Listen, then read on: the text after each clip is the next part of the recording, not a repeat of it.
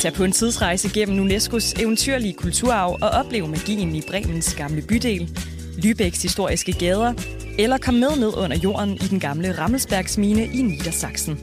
Find mere inspiration til din næste Tysklandsrejse på germany.travel. Der er jo ingen politikere i det her land, der reelt har visioner. Magtafgangse. Priserne stiger og stiger. Jeg er så træt af at høre på alt den spil. Der burde være et, øh, korps ombudsmænd, der holdt øje. Ingen mening. Velkommen til en af de fine københavnske salonger. Og velkommen til øh, salongen, der altid har begavede og bramfri gæster, og også deres kæpheste med. Og jeg ved, at I jo både er begavede og bramfri. Ulla Terkelsen og Knud Brix. Velkommen til. Tak. Tak. Knud, øh, du er jo øh, chefredaktør på Ekstrabladet. Det er korrekt. Vi har øh, arbejdet sammen på Christiansborg en del år os to. Ja. Så jeg glæder mig til, at vi skal sladre noget om Venstres formandsskifte her senere i det her program. Vi har også interview med Helle thorning Schmidt senere i programmet, som jo har kastet sig også ganske bramfrit ind i Venstres formandsvalg. Det må man sige. Blandt andet med et interview hos jer. Ja, det er også korrekt. Jeg tror endda på forsiden. Ok. Øh, men Men det, der, stadig. men det der med at være øh, bramfri, Knud, var det som om, du lige blev 20 procent mere bramfri, da du blev øh, chefredaktør for Ekstrabladet? Det er man jo ikke selv den rigtige til at vurdere. Men der ligger jo noget i stillingen, selvfølgelig gør der det. Altså, der er jo også bare to forskellige kasketter. Når du er journalist, er det jo ikke rigtig meningen, at du skal mene noget. Mm. Øh, mens når du er chefredaktør, forventes det, at du mener noget. Så 20, måske snart 30 procent. Ja, jeg synes godt, man kunne Ja. mærke, at den fik Okay. lige en ekstra skrue. Ja, Det, det, det og vand. ja. det er rigtigt. Øh, Ulla Terkelsen, det der med at være bramfri, skal man også være det for at brænde igennem som korrespondent? Man skal øh, udstråle, at det, man fortæller, er noget, man synes er vigtigt selv, og også derfor noget, som andre mennesker forhåbentlig så også synes er vigtigt. Mm. Det vigtigste er, at man er engageret i sin historie, at den er, den er vigtig for mig, derfor skal den også være vigtig for dem, der hører efter. Fordi øh, hvis man ikke gør det, så har det ingen mening. Altså hvis man kloger over at køre rundt ind i hovedet, men ikke får det ud over kanten, Mm, så, så har det ingen mening som, øh, som journalist. Du har jo været journalistisk chef, ligesom øh, Knud og jeg nu sidder og roder med, men du valgte jo, at du vil hellere ud på landevejene og fortælle historier. Hvorfor? Ja, øh, jeg synes, øh, det var sjovt at starte TV2. Jeg havde været chef i Danmarks Radio. Jeg havde Mhm. været chef på TV-avisen TV Aktuelt. Så havde jeg korrespondent i USA, og så kom jeg hjem, og så skulle vi lave TV2. Og så blev jeg chef for det. Det var fantastisk at lave en arbejdsplads inden for sit eget fag, og især sådan lave det anderledes end det, man kom fra. Danmarks Radio var ganske, ganske glimrende, men havde jo også sådan sine kedsommelige arbejds metode. Skal vi sige det på den måde? Høfligt. Og derfor så var det skægt at lave det, og det var Klondike, og der var en råben og en skrigen, og vi øh, lavede alle mulige ting, som siden er blevet ulovlige. Men vi havde det virkelig sjovt. Og øh, det lykkedes jo, at vi slog, øh, vi slog øh, nyhederne på Danmarks Radio. Så det var en fantastisk oplevelse, men i alle institutioner kommer der sådan nogle former for møder ind, og praksis og mus-samtaler og sådan noget. Det egner jeg mig ikke til. Altså, det er der nogen, der er meget bedre. Jeg ser ikke ned på folk, der kasser den noget og som er gode byråkrater og ledere på et længere sigt. Men jeg egner mig ikke til det. Jeg er god til at se en god historie og få andre i gang med den og til selv at lave det, men jeg egner mig ikke til at sidde til nogle meget, meget lange møder og tale om budgetter. Hvad har det betydet for din livshistorie, at du valgte igen at tage ud og fortælle historier? At den faldt på plads øh, på den måde, at jeg begyndte at lave noget af det, som jeg synes, jeg passer til. Og fik en livsform, som var restløs, og mange vil synes øh, rådløs. Øh, men den passer til mig. Mm. Knud, øh, du er jo ved at øve dig i at være en god biokrat. Hvordan går det med det? Ikke så godt. Du har jo lige været i Ukraine, ved Ja. jeg, som sådan måske et lille, lille frirum fra øh, mus-samtalerne. Hvad slog dig særligt ved at være i Ukraine? Altså, jeg synes ikke, at frirum er det mest velvalgte ord. Nej. Fordi jeg tog jo ikke afsted som en eller anden form for pervers efteruddannelse. Altså, man skal lige huske, at du ved, det sekund, du kører ind over Ukraines grænse fra, i mit tilfælde, Polen, altså, det er en vild fornemmelse at være i et land i krig. Øhm, jeg har prøvet det før, og hvis jeg skal være helt ærlig, så var det øh, sådan set, øhm, man, det kan Ulla måske skrive under på, men man, altså, det lyder en lille smule forkert, men du føler dig jo mere i live, når du er i et land i krig, fordi alle tentakler er ude. Folk lever på en anden måde. Øh, så jo, altså, jeg gjorde det øh, dels for at prøve at blive klogere, Og så også fordi, ligesom Ulla siger, tror jeg, netop for at man ikke gror fast, og ikke været der så længe, men altså en gang imellem kom ud øh, i en eller anden form for, det her så en bizarre virkelighed, ikke? men virkelig kom derud, øh, det tror jeg skulle man bliver klogere af. Var der noget, der overraskede dig i forhold til den virkelighed, vi beskriver i medierne, og det du så så? Masser. Det er altid noget andet. Noget af det, der overraskede mig meget, det var, altså vi har jo måske sådan lidt et forskruet billede af, at det er Zelensky, der er helten. Det er det ikke i Ukraine. Altså, jeg har jo selvfølgelig ikke lavet en eller anden fyldesgørende meningsmåling, men når du rejser rundt i Ukraine, stort set lige meget hvor du er, så er det den militære ledelse, de, de hylder. Og, og de har sådan lidt, jeg tror, han er en rockstjerne i Danmark på en eller anden måde, vores billede af ham, men det, det tror jeg ikke helt, du kan sige på den måde. Hans kone er enormt populær, selvfølgelig er han også populær, men det er den militære ledelse, som folk ser op til. Øhm, og det ser du alle mulige steder. Og det er måske nok også, fordi landet er i krig, og med den historie, de har. Men det overraskede mig. Det er altså ikke Zelensky, øh, man går og taler om. Det er mm. den øverste kommanderende. Og især, hvor jeg var ude ved fronten, helt ude, øh, hvor vi kunne kigge over til russerne på den anden side af Dnipro-floden i Kherson, der er der altså general Mashenko, og ikke øh, Zelensky, man orienterer sig efter. Og ham fandt vi ved lidt af tilfælde inden under en udbumpet øh, boligblok, fordi ham jeg rejste med, en anden, vil jeg tillade mig at sige her, presselegende, når man er i selskab med Ulla, Per Nyholm, øh, som har været korrespondent i 50 år på Jyllandsposten, eller 50 år i alt, 43 år på Jyllandsposten. Han har enormt gode kontakter, så det lykkedes os og og møde den her øh, savnomspundne general, som holdt russerne væk fra det sydlige område. Og han er ellers en kultfigur, skal jeg hilse at sige. Sådan en, han ligner sådan en rigtig sovjetgeneral og en tyk mave, og han sad nede i sådan en kælder, hvor der hang mærkelige øh, sådan idolplakater med sådan nogle computerspil på væggene. Det lignede ikke en generalstab. Men der sad han, og der fik Pierre og jeg et interview med ham, og det var, det var sgu rimelig vildt. Øhm, og så da vi var færdige, sagde Pierre Nyholm, next year I will see you in Crimea. Og det er og så, altså en mand, der lige er fyldt 80. Ja, Per Nyholm er, er lige fyldt 80, ja. Han fejrede det øh, under et bombardement i Mykolaiv, tror jeg, mens han sad og skrev på en bog.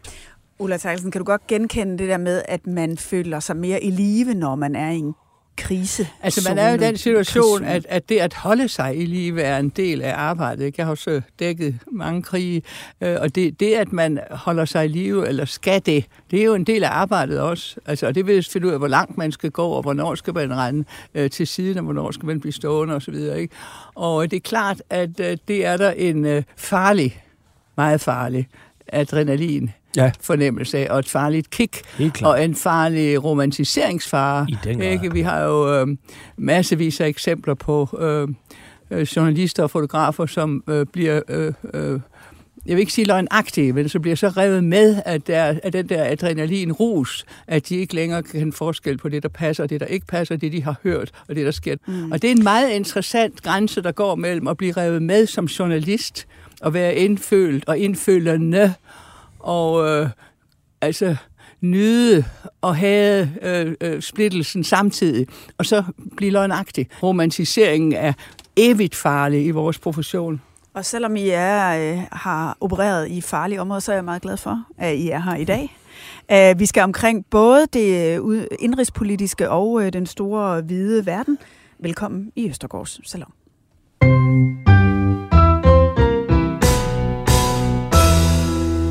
Ulla Terkelsen, øh, du har en lidt overset kæphest med. Øh, fordi mens, mens vi nu alle sammen taler om Ukraine, om Israel og Gaza, så sker der jo store forandringer i et af landene meget tæt på os, som vi måske ikke har fået talt så meget om. Men det er der ellers gode grunde til, for der er gode nyheder, i hvert fald, i hvert fald hvis man elsker demokratier. Øh, og derfor skal vi tale lidt om Polen nu. Og Ulla, øh, nu skal lytterne holde godt fast, for du har lovet at give dem en speed-indføring i et emne, som de måske ikke vidste, det var værd at vide noget om. Hvad er det, der sker i Polen? Valget var afgørende øh, for at vise, at der ikke er ved at danne sig en ubrydelig klump øh, i den del af Europa med lande, som ikke vil hjælpe Ukraine, som er pro-Putin, som er nationalkonservative og som vender sig i stigende grad mod demokratiet og EU.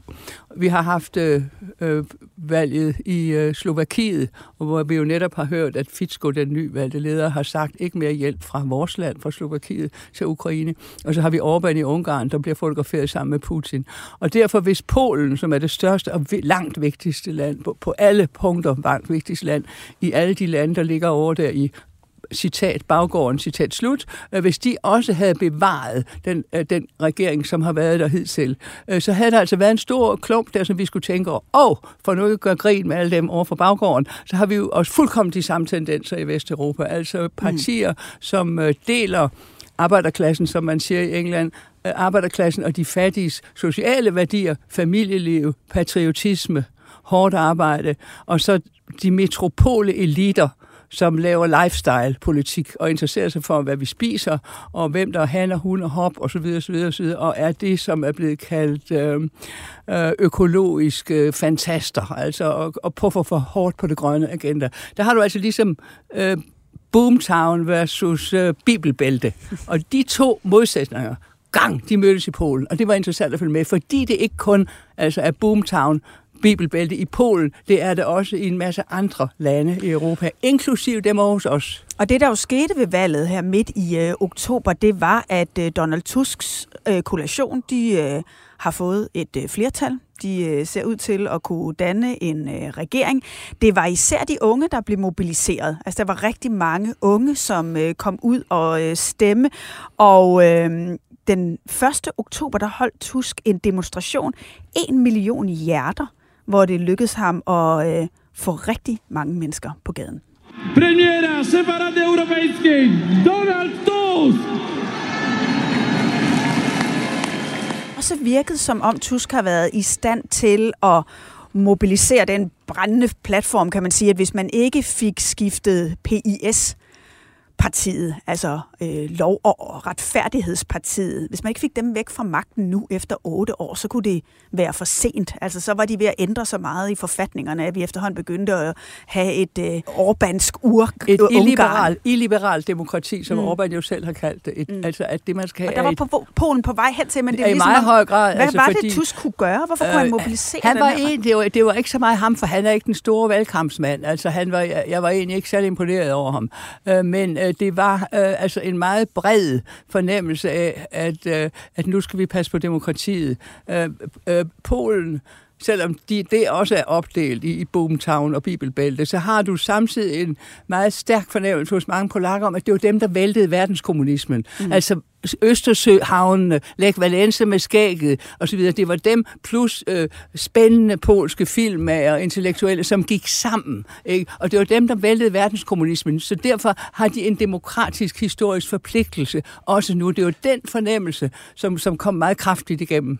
Ja, og man så jo, som du netop siger, Lech Valenza øh, stillede jo op til billeder øh, med Tusk, og for ligesom at give det den der ånd, at det var altså nu.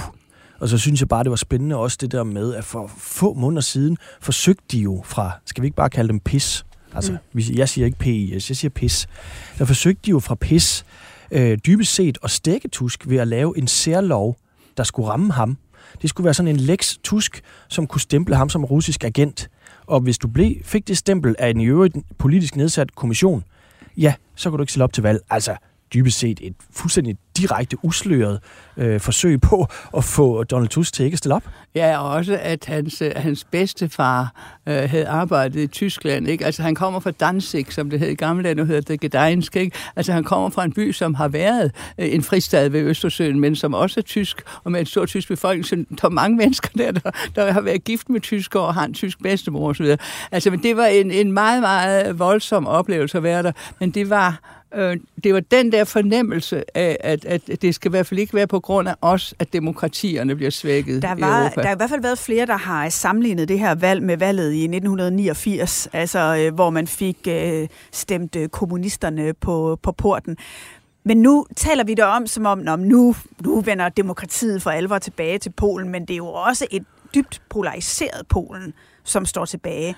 Men Europa er polariseret. Altså, jeg bor i Frankrig, ikke, hvor, hvor det næststørste parti er Marine Le Pen. Det nye arbejderparti, det er Marine Le Pens parti. Meloni er ved magten i Italien. Hun kommer fra, øh, hun kommer fra et parti, der nedstammer fra fascisterne. Ikke? Alternativ for Deutschland i Tyskland er større end SPD, de fine socialdemokrater mm. med Willy Brandt og Helmut. Det eneste parti i Tyskland, der aldrig har været hverken kommunistisk eller nazistisk. Altså, det, det er en bølge. Jo, og så altså, øh, i Ukraine, hvor jeg lige rejste rundt, der skal jeg hilse at sige, at de holder øje med Polen, fordi Polen har jo været solidarisk. Det er den femte største donor, og alt det korn, vi, de, altså Ukraine er jo dybest set Europas kornkammer, alt det korn, de ikke kunne komme af med til Sortehavet, det er jo kørt igennem Polen. Og der har den polske regering jo sagt, niks weiter, øh, nu lukker vi for det her. Og det æder med med noget, altså øh, man lægger mærke til i Ukraine, der kan du komme af med dit korn. Altså, det lyder lavpraktisk, men det betyder helt enormt meget for Ukraine, om du kan komme af med det der korn. Øh, og der er de polske landmænd, de bare kørt ud på markerne og så sagt, no more fordi det dumper priserne hos os. Og det fik jo så Zelensky til at sige, øh, at Polen dybest set var jo marionet for Rusland, hvor, uh, uh, hvor, efter, hvor, ja, hvor efter de flippede, så gik det løs. Så gik flippede polakkerne ud og sagde, nu kan I godt glemme at få mere øh, harpengud for os, øh, ikke mere i militær isenkram. Så det er jo bare, det kan godt være, det er et valg i Polen, men jeg er enig med Ulla i, at det har jo Altså, det, man har lidt den der fornemmelse af, at der er nogen, der skubber til en dominobrik. Det var der så ikke. Ja, og hvad er det for en effekt, det her valg kan få på resten af Europa? Altså, det, det man kan se af det, det er, at, at den der højre populistiske bølge, eller hvad vi nu kalder det, vi skal også passe på, ikke? vi har jo demokratier, ikke? og hvis der er nogen, der synes, at den der metropole kultur og lifestyle øh, venstrefløj, der snakker om, om vegansk mad, og om de han og hun og hop, og så videre, så videre, så videre, og øh, øh, Thunberg, altså hvis der er nogen, der synes, det er ikke det, der er vigtigt. Det, der er vigtigt, er økonomisk politik, at de fattige får det bedre. Det er jo det, de kører på, de partier. Det er jo også det, PIS kører det på. Pis. Det er meget PI, nu skulle du holde op, nu skulle du være ordentlig. PIS kalder jeg. Vi, vi skal Men det er meget interessant. De har jo blandt andet givet nogle meget større, store børnebidrag. Kæmpe. De giver, øh, altså hvis jeg har en, en ven, som øh, bor ude på Bøland, nu han er pensioneret, og, og hans naboer, som er fattige, de får øh, 2.000 slotti øh, om måneden, fordi de har fire børn. Mm. Og meget interessant, øh, den nye opvand og den nye stjerne på den europæiske politiske venstrefløjshimmel, hende hedder Sarah Wagenknecht i Tyskland. Hun siger gammel kommunist, gammel DDR-kommunist, meget flot, sådan Rosa Luxemburg-stylet. Uh, hun siger, at øh, PIS, det polske parti, havde en fantastisk kombination af hjælp til de fattige og respekt for de fattiges værdier, som er nationalismen og familiesammenholdet mm. og kirken. Altså, come on, ikke? Ja, midt i alt det udenrigspolitiske moras, vi ser i øjeblikket, så er det i hvert fald meget interessant at, ske, at se, hvad der øh, sker i øh, et land så tæt på os som Polen. Men efter den tur lige ud i verden, så skal vi altså vende øh, hjem igen, for der sker også en del på den indrigspolitiske bane.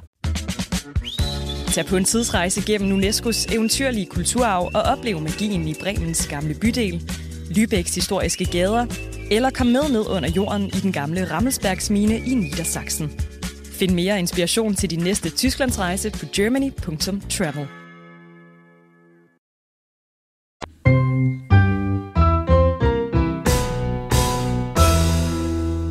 Vi har talt om ham mange gange her i salongen, Jakob Ellemann og alle hans kvaler.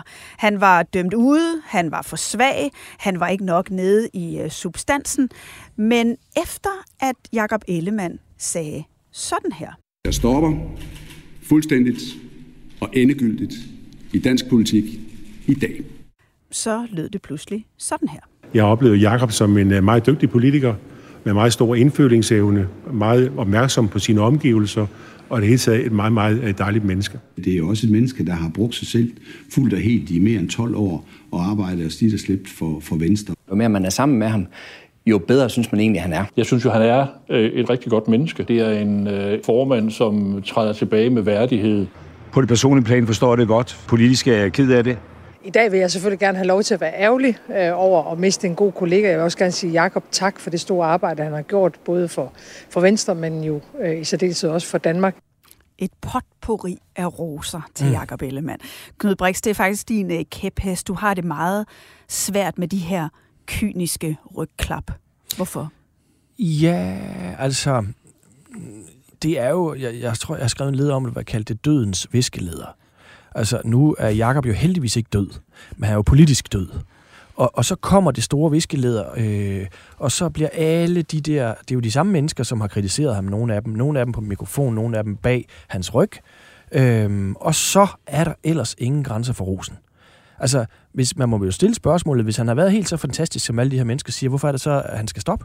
Og det, der er jo det kyniske, er jo netop, som du siger, øh, at, at det er jo ikke den tone, vi har hørt, øh, når mikrofonerne var slukket. Nej, og der er det bare, for mig bliver det en lille smule kvalmende, når man sådan står med, med kniven bag ryggen, øh, og, og blodet drøber af den, og så siger man, at han har simpelthen bare været en guttermand. Men så det, det var fordi, de synes, det var synd for ham, da han stod der. Jo, det er muligt, øh, men jeg ligesom altså opdraget min mor til, hvis man ikke har noget pænt at sige, så skal man holde sin mund. Det skulle de måske have gjort, nogen af dem, ikke? Øhm, Ulla, så altså, vi også... Ja, ja, undskyld. nej, okay. Ulla? Nej, øh, men øh, altså, de er formodentlig flove, fordi de har gået og rakket ned på ham, ikke? På fuld drøn og konspireret mod ham.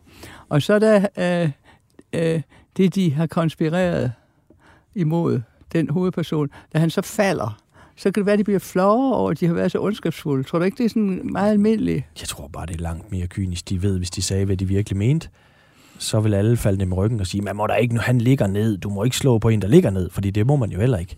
Så det er jo selvfølgelig en svær balance. Jeg får bare pænt meget kvalme af det der. Men det er nok også fordi, med det ligesom dig har jo gået en del over ind på Christiansborg, har jo set det. Det er jo ikke kun Ellemann. Altså, du har set det gang på gang på gang, at der er jo næsten ikke nogen grænser for, hvis en politiker dør. Magt er en meget hård valuta, og ja. den er der mange, der vil kæmpe også ganske kynisk for. Præcis. Ulla har, kan du øh, se nogle pangdanger i europæisk øh, politik, hvor lige så snart der er en, der falder, så har man meget travlt med at rose vedkommende? Ja, det er okter, de, de, de falder jo, altså for eksempel nummer 10, Downing Street 10, det er jo, som man siger, er en svingdør. der falder de jo på stribe. Der falder de på stribe, de næsten ikke kommer ind, før de falder.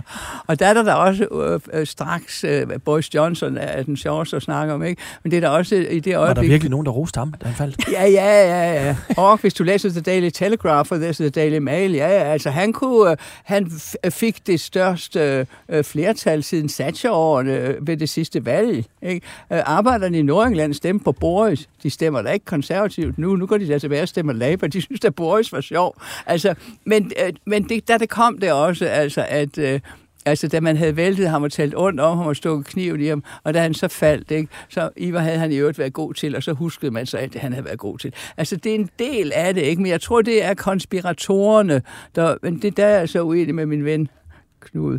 Jeg tror, at konspiratorerne også et eller andet sted er flov over, at de selv har været så ondskabsfulde. Mm. Jeg tror, du har for høje tanker om det.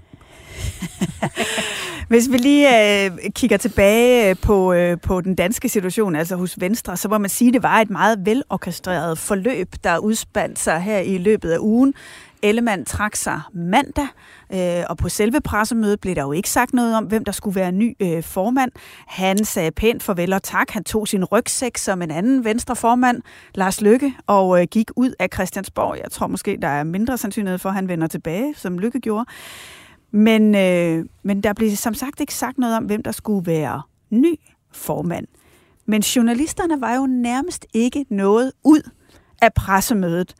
De kunne nærmest ikke komme ud for Søren Gade, som stod udenfor, og straks stod klar til at anbefale Troels Lund som ny venstreformand. Så fulgte Anders Fogh, Lars Krav, Lars Lilleholdt, alle de gamle, stærke venstrefolk. Præcis. Og inden det var blevet aften, så vidste vi godt, hvem der bliver kåret til ny formand for Venstre i, i november. Hvis der er nogen, der sad med en lille formandsdrøm i maven, så tror jeg godt, de kunne se allerede der, den skulle de bare pakke sammen, fordi alle de stærke mænd, de havde stemplet ind på uh, Truls Lund. Men Knud, han er jo ikke nogen stor billetsælger. Måske ved udgangen.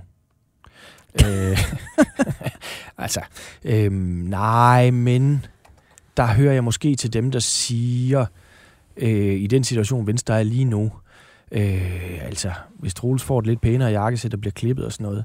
Øh, jeg ved det ikke. Altså, altså bare hvis du ser, du billetsælger for eksempel Nej, på det var, det var han da heller ikke, men han har da mange eksempler på nogen, der sådan er lidt Anders kedelige. Fogh. Anders Fogh, han var ja. der også, man sagde ting, og sådan noget, ikke? Altså, det, man har der mange eksempler også internationalt ja, på folk, jeg der tror var sådan... Godt, jeg, jeg, jeg tror godt, altså fordi han kan substansen, og han er brutal nok, øh, og han kan sin politik, øh, Og, og du skal også lige huske på, at de ligger hvad, øh, horribelt sted for de Venstre. ligger sådan jo et sted 7-8 mellem procent, 7-9 procent. Det er det værste tilslutning Så i 40 år. Der skal jo heller ikke så meget til øh, fra den rock bottom, hvis det øvrigt er det, øh, til at løfte det og En gøre det en succes. fremgang. Ja. Og så skal man jo lige huske, at han har øh, Stephanie Lose med som det der øh, sidekick ved siden af. Ikke? Som de Det er, er rigtig en- glade for i Jylland. Helt sikkert, og det er jo en fuld pakke, du får der. Og så har du Troels, der er hård, og hende, der kan sælge billetter. Mm, jeg ved det ikke. Altså, jeg, synes, jeg, jeg, jeg tror sådan set, det udgangspunkt, de har, der tror jeg godt, at det kan, at det kan noget. For en gang skyld virker det i hvert fald som om, der kommer et formandsskifte i Venstre, som er problemfrit. Det har jo ikke været tilfældet de sidste øh, par gange. Øh, Det, lød, virkede som om alt kørte efter en snor, lige indtil en tidligere statsminister begyndte at blande sig. Thorning Schmidt følte sig kaldet til at gå ud øh, hos jer i Ekstrabladet, Knud, øh, Ja. og på de sociale medier, for lige at minde om Truls Lunds involvering i skattesagen for 12 år siden. Hvordan øh, kom det i stand?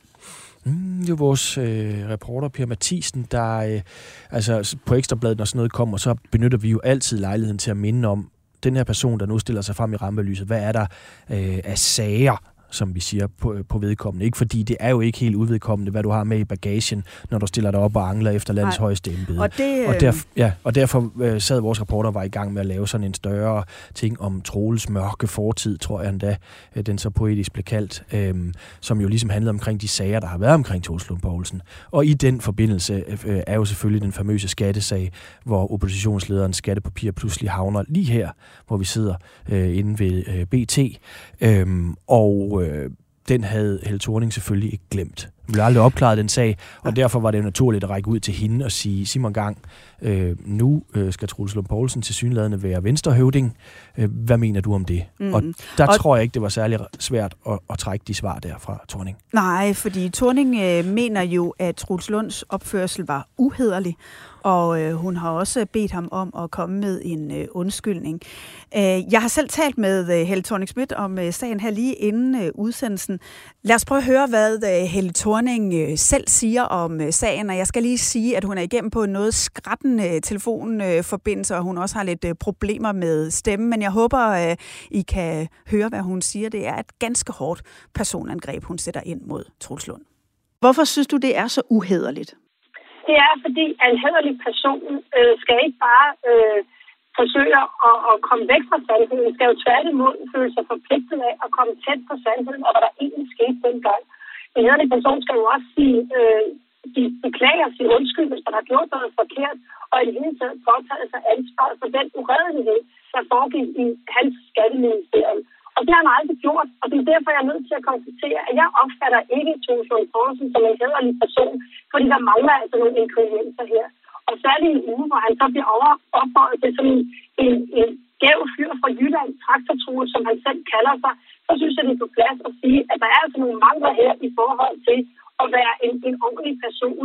Og det er blandt andet at tage ansvar i sådan en sag. Mener du, at han er værdig til at blive Venstres formand? Øh, altså, jeg har jo sagt, hvad jeg gerne vil sige, øh, om at jeg ikke synes, at han er en hederlig person. Og med det kommer selvfølgelig også, at jeg synes, der, der mangler noget for at blive formand for et fint gammelt parti som Venstre, som er en højere position, øh, position, position, position end bare at være øh, minister og folketingsmedlem. Så derfor synes jeg, at der kræves lidt mere, blandt andet, at man viser i sin handling, at man øh, tager ansvar for, at man kan sige undskyld, når man har gjort noget forkert, og selvfølgelig også, at man konstant i hele sit liv føler, at man har en forpligtelse over for sandheden. Og hvis man vil øh, høre hele interviewet med øh, Helle Thorning, så, øh, så kan man finde det som et selvstændigt afsnit herinde i øh, podcast-feedet. Knud Brix, Helle Thorning siger jo sådan set, at hun mener, at Truls Lund mangler noget for at være en værdig formand for Venstre. Hævn er en ret, der helst skal serveres iskold. Og det må man sige, det gør Helle Thorning her. Hun har siddet i baghånd, hun har siddet med den der tallerken, og nu laver hun hævnens tallerken ind over disken. Øh, det der, det er tak for sidst på den helt store klinge. Og det er klart, det der bliver Truls Lund Poulsen jo også nødt til politisk at forholde sig til. Mm. Fordi hvis han troede, at man ville gå let og elefant hen over det her, så blev det ikke sådan, når en tidligere statsminister siger sig frem med så krasbørstige øh, ord. Og det, der jo også er virkelig sjovt, nu Knud og jeg er jo begge to fra Jylland, det er, at hun sætter et spørgsmålstegn ved, Knud, nu skal vi øh, passe på, ikke? Hun sætter et spørgsmål til, at folk fra Jylland, der kan køre traktor, på en eller anden måde er på et højere moralsk niveau, end dem, der kommer fra øh, de københavnske forsteder, hvad enten de ligger syd eller nord for, for den, den centrale del af København. Fordi det er jo rigtigt nok, det bliver bygget op at de her oprigtige mennesker, det er sådan nogle, der kører traktor og kommer fra, fra Jylland, mens øh, folk, der sådan kommer fra lidt større byer, nu ved jeg ikke, hvor du er fra med det, de er sådan lidt lumske og lidt øh, dobbeltyd. Ja, jeg skal også for det det er jo et karaktermord på os jøder, hun kommer med der.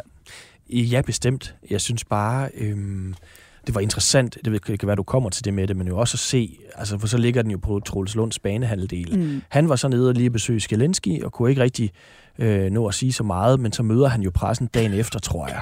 Øh, og hvis man ligesom, øh, eller Torning havde sat næsen op efter, at nu skal hun have den der undskyldning, så må hun jo blive svært skuffet, for han sagde han, jo bare, ja. Ja, han har ikke givet hende øh, den undskyldning. Han vil gerne se fremad. Han har ikke brug for at rode rundt i en så gammel sag. Så den får hun ikke, selvom hun øh, havde staged en meget klar Har hun et formelt krav på den? Det ved I begge to politiske Nej, altså det, der skete, var jo, at uh, Troels Lund fik en næse dengang ja, okay. af Folketinget, øh, men øh, blev ikke øh, dømt for at have påvirket afgørelsen i skattesagen. Men sagen er jo sådan set formelt afsluttet. Ja, var det jo ikke dig, der lavede et interview med hende dengang? Det var det faktisk. Ja, tilbage jeg kan godt huske, du var på øh, politikken. Jeg var på politikken, det var tilbage i 2012, hvor øh, min øh, telefon lige pludselig øh, bimler og bamler, så jeg nærmest troede, det var, øh, der var udskrevet valg. Ja. Og så blev jeg kaldt op i øh, statsministeriet ja. til øh, Tornings øh, politiske rådgiver, Nora Reddington. Og så sagde han, øh, Torning vil gerne lave et interview om, at hendes mand ikke er homoseksuel. Mon Dieu. Og så Tak, står spids. man lidt som øh, dengang politisk redaktør og tænker, det er nok det mest mærkværdige interview, man kommer til at lave med en statsminister. En ikke-historie. Ja, ja. Som var jo helt, helt afgørende, fordi det, der øh, skete, var jo, at deres egen skatteadvokat, Frode Holm, havde indlagt et øh, notat i skattesagen, hvor han konspirerede om, at Stephen Kinnock var homoseksuel, og de vidste, det ville komme ud i mm. forbindelse med sagen, og derfor havde hun brug for på forhånd at gå ud og dementere det. Øh, det var et meget specielt interview at sidde op i statsministerens øh, kontor og spørge hende, er du sikker på, at din mand ikke er homoseksuel? Så hun vidste jo dels af hendes egen advokat, og så måske også af rygterne, som Troels Lund Poulsen jo så har været med til at sprede, at de fandtes derude, og så vil hun tage brøden af det, ved ligesom præventivt Ja. at give en historie til politikken af dig. Præcis. Og det gjorde du. Det gjorde jeg, for ved du hvad, det, Det var- er en meget god gjort. Ja, historie. et Men scoop. øh, jeg fik en laserstorm bagefter af folk, som synes, at jeg opførte mig ekstremt uhederligt ved at Nå. tillade mig at stille den slags spørgsmål til statsministeren. Jamen, det er jo lige der, du skal stille de kritiske spørgsmål, fordi du får serveret, håndfodret en god historie. Præcis. Og så gælder det om at være Og være trods kritisk. alt stille de kritiske opfølgende spørgsmål.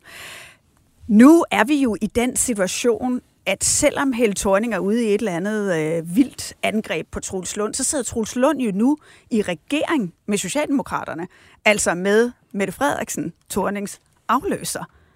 Tror du, det her, Knud, kommer til at have nogen påvirkning af det regeringssamarbejde? Det synes jeg er svært at sige. Det tror jeg faktisk ikke. Altså, det øh, skyldes jo også, at øh, Thorning og Mette Frederiksen i dybest set ikke ligger det samme sted. Mette Frederiksen har jo brugt det bedste af fem år på at lægge afstand til Thorning, ikke? Altså, nok var hun den første kvinde, men altså, øh, Mette Frederiksen har jo dybest set forsøgt også øh, på alle mulige måder at sige, nu er vi det rigtige sted. Det andet var ikke det rigtige sted. Det var jo det, alt det med, med Bjarne Korydon og Helle, og det var ikke det rigtige Socialdemokrati. Nu er vi tilbage, så jeg, jeg har svært ved at se, at det skulle have en eller anden form for klangbund i Socialdemokratiet, det her, når det kommer fra Helle. Ulla Terkelsen, når du ser på dansk politik øh, og kigger på de her, hvad, hvad tænker du så? Tænker du, vi har ikke større problemer, eller hvad? øh? Jo, jeg synes, at politik er dybt interessant, ligegyldigt hvor det foregår. Øh, Jeg, jeg, jeg kan ikke huske hans nøjagtige øh, ord, men da Tony Blair gik af frivilligt, øh, der holdt han en fantastisk tale i underhuset, øh, som jeg overvejede, og, og det var, den var sådan Shakespearean i sin stil.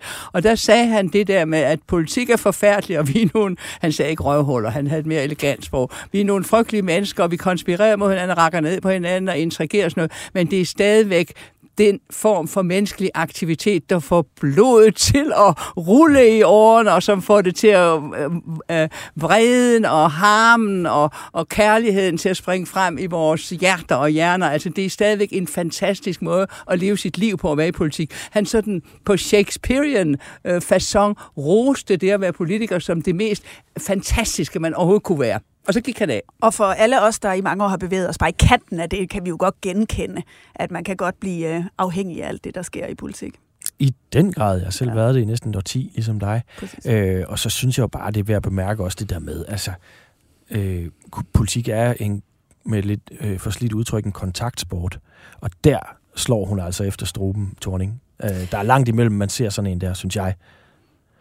Den dame og øh, den herre, der er ikke mere øh, tid tilbage i øh, salongen. Ulla Terkelsen og Knud Brix, tusind tak, fordi I ville komme. Det var en fornøjelse. Selv tak.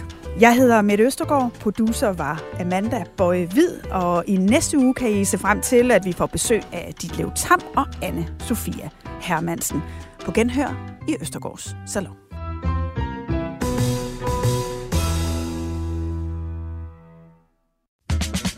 Vidste du, at Tyskland har 52 unikke grunde til at få pakket bilen og komme afsted? Med 52 kulturskatte, steder og traditioner på UNESCO's liste, og en verdensarv på mere end 7.000 år, kan en tur til Tyskland blive en enestående mulighed for at rejse tilbage i tiden. Find mere inspiration til din næste Tysklandsrejse på germany.travel.